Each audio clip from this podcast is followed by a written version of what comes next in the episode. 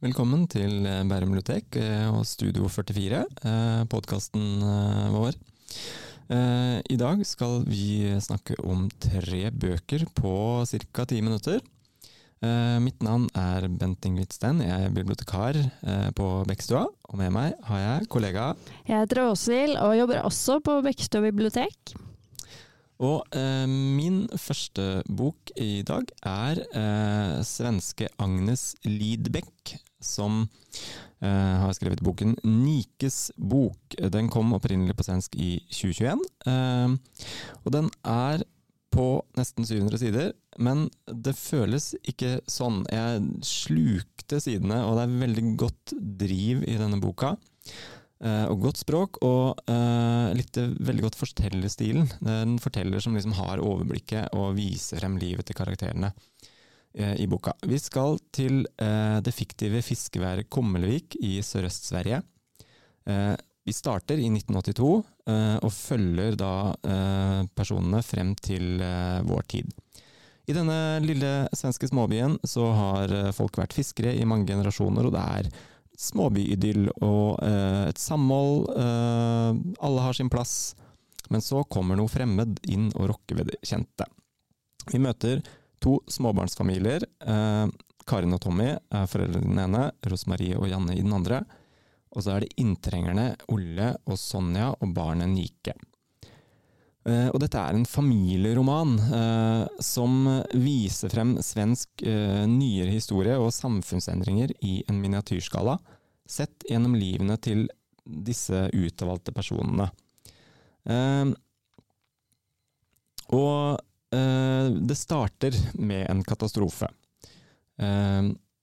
disse småbarnsfamiliene er på stranda, og så kommer Sonja med barnet Nike Eh, som er da eh, tiltittelen i boka, på stranda. Og plutselig så ser de andre at Nike sitter alene ute i vannet. Hun er to år gammel, moren er borte. Og der kommer vi inn i denne historien, eh, som eh, tar for seg altså nyere svensk og norsk historie. Det er mye klasseperspektiv her, og karakterene fyller liksom ulike roller i samfunnet som viser påvirkningen samfunnsendringene har fra ulike perspektiv. Det er fiskeren med en egen liten småbedrift som må omstille seg når uh, den økonomiske nedturen kommer, småbarnsmoren som må finne jobb for første gang, og finansakrobaten med en herskapelig hus og eiendom, og hans kone som ikke trenger å jobbe, men steller huset og ofrer seg for barna. Og så er det kunstneren og hans øh, psykisk øh, syke kone. Uh, og så da dette barnet Nike som vi følger gjennom livet, gjerne fra andres synsvinkel. Forfatteren viser frem ulike måter å leve på, ulike måter å håndtere livet på. Ulike måter å håndtere kjærlighet, savn og katastrofer på, både hos barn og voksne. 700 sider som går kjempefort gjennom nyere svensk og norsk historie de siste 40 årene. Da skal Åshild fra Sverige til Sverige? Sverige, for så vidt. Eh, I hvert fall en svensk forfatter. Eh, jeg har med meg Karin Boyes Kallokain i dag.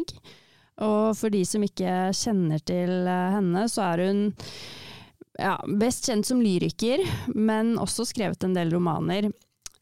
og Kallokain ble utgitt i 1940. og grunnen til at jeg har med meg den her i dag, er jo fordi den fikk en ny norsk oversettelse i fjor. Eh, og da ble den utgitt på Solum Bokvennen. Kallocain med undertittelen 'Roman fra år 2000'. Det er en dystopisk roman eh, satt til landet verdensstaten.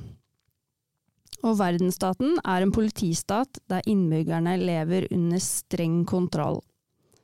Her møter vi hovedpersonen Leo Kall, eh, og historien er fortalt eh, gjennom hans øyne.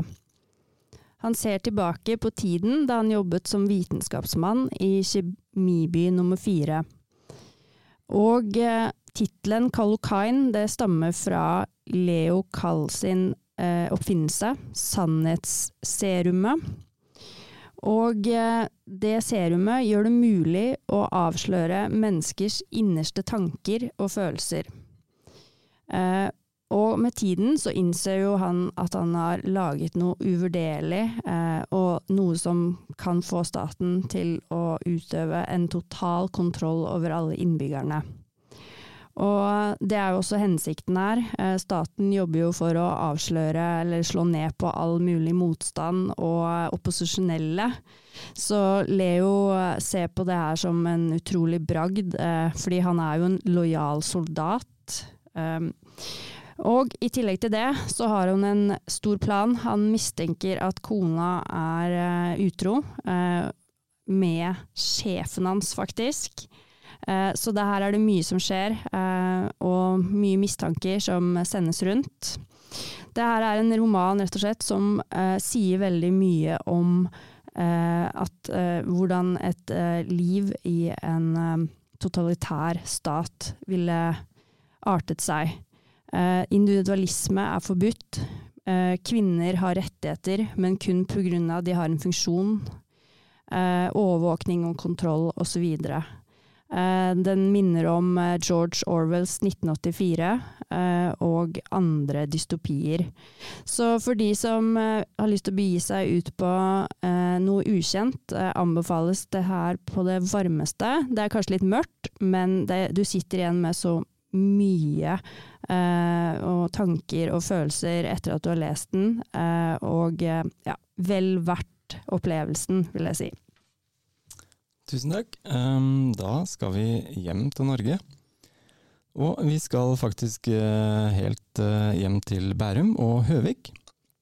For uh, derfra kommer debutanten Andrea Nikolaisen Brun som eh, kom med sin første roman i 2023.